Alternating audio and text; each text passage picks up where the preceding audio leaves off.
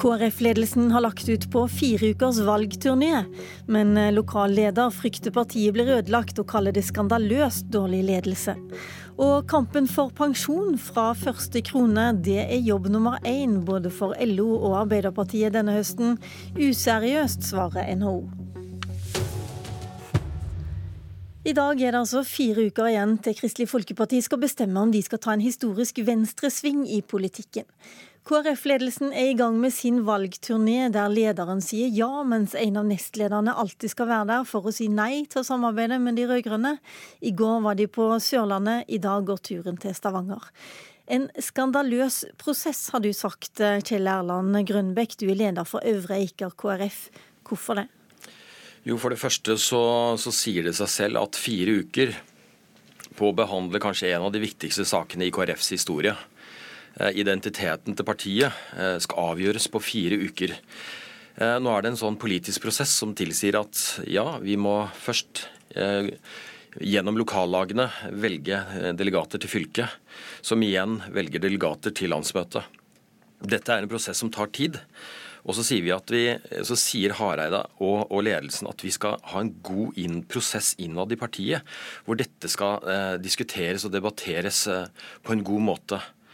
Eh, det henger ikke på greip, og det er derfor jeg sier at dette er skandaløst. Og det, det er faktisk en av de ting, eh, sakene som gjør at jeg tenker at eh, det sier mer om KrFs ledelse nå, og, og at, at, ledelsen da sender KrF ut i et kaos, og som vil føre til dyp splittelse, uansett hvilken vei nå partiet velger å gå. Men når du snakker om ledelse, snakker du om alle tre pluss partisekretær, eller snakker du om Hareide, eller hvem snakker du om da? Da er det Hareide. Og jeg må si at talen til Hareide var meget bra, men han, eh, han drepte jo hele talen med en selvmotsigende konklusjon. Og det er jo det som gjør, gjør hele, hele, saken eh, både frustrerende og, og vond og vanskelig eh, for, for, partiet, og ikke minst for lokallagene. Men um Altså, Hareide har vært her i omtrent fem år og snakka om hvilken vei han skal velge. og Dere har jo hatt den debatten veldig lenge også. Er det ikke nå på tide å bestemme seg? Jo, absolutt. Og det, det, det, var viktig at det kom fram nå at nå må vi velge å gå inn i regjering. Det er jo det han sier nå, at nå, nå er det viktig at vi, vi søker regjeringsmakt.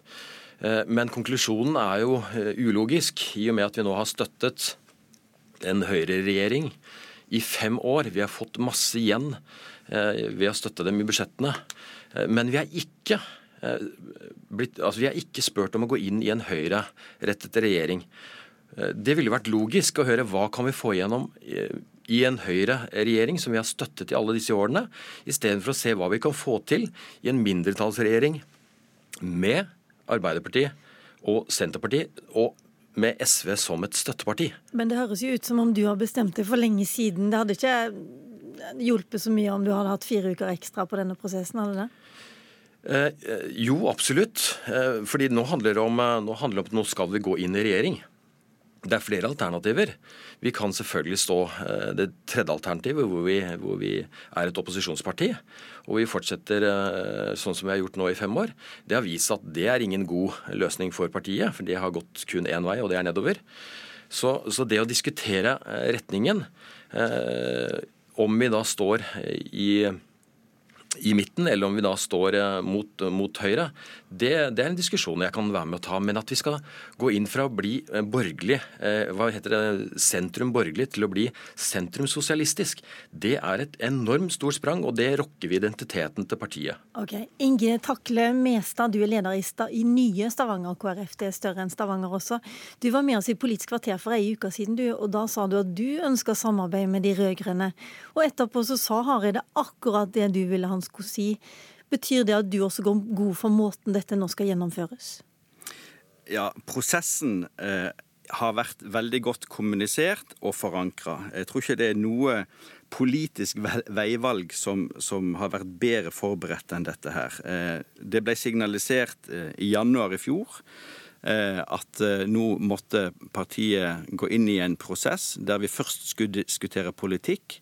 Eh, og så landa det nå i høst, og deretter eh, eh, konkludere i forhold til hva vei en burde gå med utgangspunkt i den politikken. Men du hører Så, nå det harde ord som kommer fra Buskerud, og det er sikkert folk som er ganske sinna i, i Rogaland også.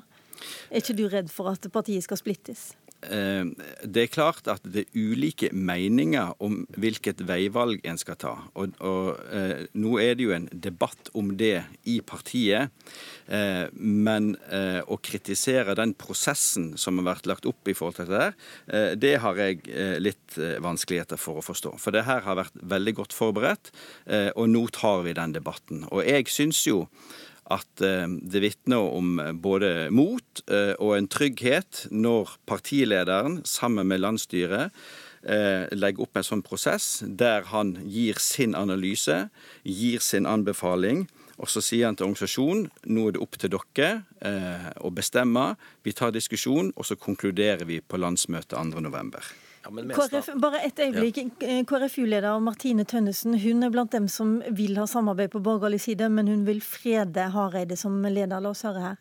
Knut Arild er en eh, god leder for KrF, og det har han vært eh, gjennom mange år. Og jeg har stor tillit til at han kommer til å forvalte den rollen som han har som leder, helt uavhengig av hva KrF lander på i november. Det er partiet som skal ta en avgjørelse, og den avgjørelsen handler ikke om Knut Arild skal være partileder eller ikke. Du, eh, kanskje du også tenker at det ville vært roligere for partiet om eh, den debatten ble tatt senere, Grønbekk? Ja, absolutt. Eh, fordi jeg mener at dette er i utgangspunktet ikke en lederdebatt. Men det, det sier seg jo selv at hvis partiet velger å gå mot høyre, og Hareide har, har pekt mot venstre, så vil det være veldig unaturlig for Hareide å fortsette.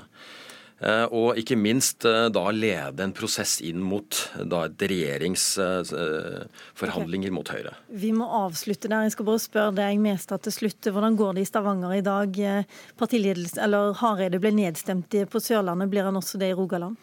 Vi skal ikke ha noe som helst votering i dag. I dag skal Knut Arild Hareide og Ole Bollestad møte medlemmene her i, i, i området. og De skal få si hva de tenker og hvordan de ser på det. Og så skal medlemmene få, få gi sine synspunkt. Eh, og Det er en, en, god prosess, eh, og jeg er glad for at ledelsen reiser rundt og møter medlemmer eh, nå frem mot landsmøtet. Hjertelig takk skal dere ha uansett. Takk for det. Abonner på Politisk kvarter som podkast, og få sendingen rett til din mobil. Vi skifter tema. Arbeiderpartiet og LO har nemlig en annen sak denne høsten som er nesten like viktig som å få KrF med på laget. Det er kampen for at alle, også i privat sektor, skal få pensjon fra den første krona man tjener. I dag er det sånn at du må ha tjent nesten 100 000 kroner før du begynner å spare opp til obligatorisk tjenestepensjon. Og Jørn Eggum, leder i Fellesforbundet, hvem er det som vil nyte godt av et sånt forslag? Det vil være de som har lavere og mildere inntekter, og ikke minst eh, deltidsarbeidende, som får utvidet eh, grunnlaget for eh, den pensjonen som de vil få i, i fremtiden. Og for oss som organiserer mange som har nettopp det, så vil det være viktig for, for medlemmene våre. Tar du de medlemmene som jobber innenfor hotell og restaurant og reiseliv, altså på riksavtalen, hvis de får eh, pensjon for de første 100 000 også, så i de ti årene obligatorisk tjenestepensjon gjelder, fra 67 år til 77 år, så vil de få 2000 kroner ekstra hver måned. Så dette er virkelig viktig for å få en anstendig pensjon å leve av i fremtiden. Jeg så en eh, ungdomssekretær i LO skrive leserinnlegg nå der hun skriver at uh, hun er redd for at hun får mindre å leve av som pensjonist enn når hun er student. Er det virkelig så ille? Ja, altså, det, den pensjonsreformen som vi har i dag, den fordrer jo at du skal stå lenger i arbeid. Det er arbeidslinjen som ligger til grunn. Så hvis du må gå av før du er fylt 67 år, så vil du få gjerne mindre enn det du har som student i dag. For vi ser beregninger som sier at på, på, inntekter på rundt 400 000 kroner, så uten å få fra det første, eh, første 100 000, så ligger du på gjerne en 40, litt i overkant av 40% av det du har når du jobber. Så dette er ikke og noe du kan, kan leve bunk på, så hvis ikke vi får utvidet pensjonsgrunnlaget. Nina Melsom, du er arbeidslivsdirektør i NHO. Hvordan kan du forsvare det? For du har gått veldig sterkt ut mot at man skal få eh, tjene pensjon fra første krone.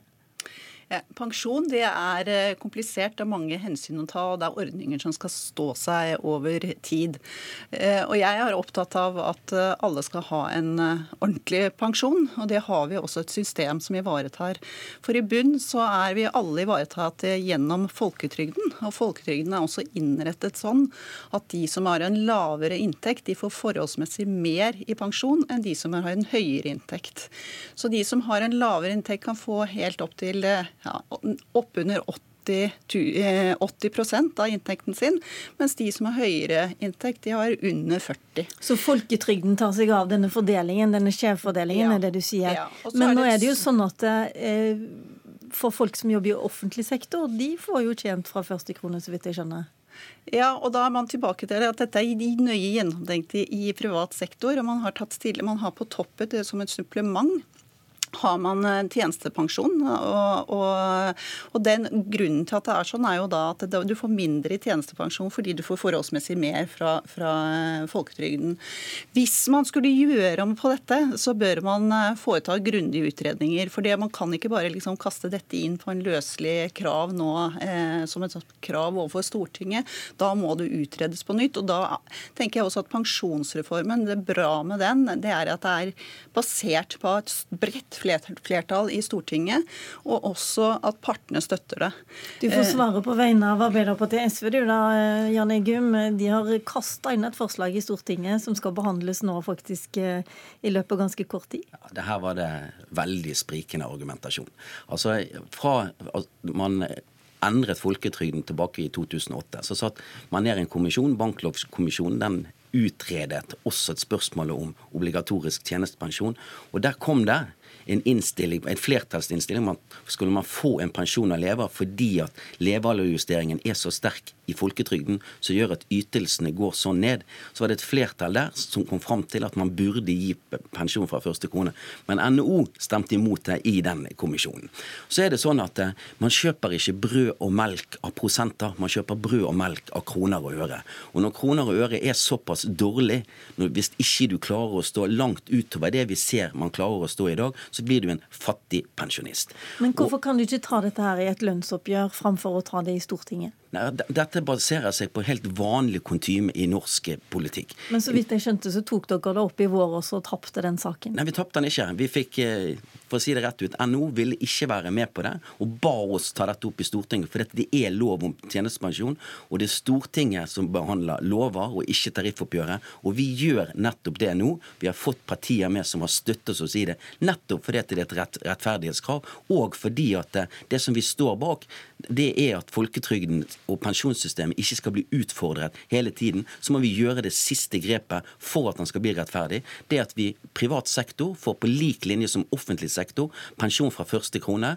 Og det er ikke mer enn et par måneder siden NHO-sjef Kristin Skogen Lund var ute og sa at oppgjøret i offentlig sektor det var balansert, det var et godt oppgjør. Og da fikk de nettopp pensjon fra første krone. Og nå er det ikke det når det gjelder privat sektor. Dette Hvorfor, henger ikke hvordan, sammen. Hvordan forklarer du den forskjellen, Melson?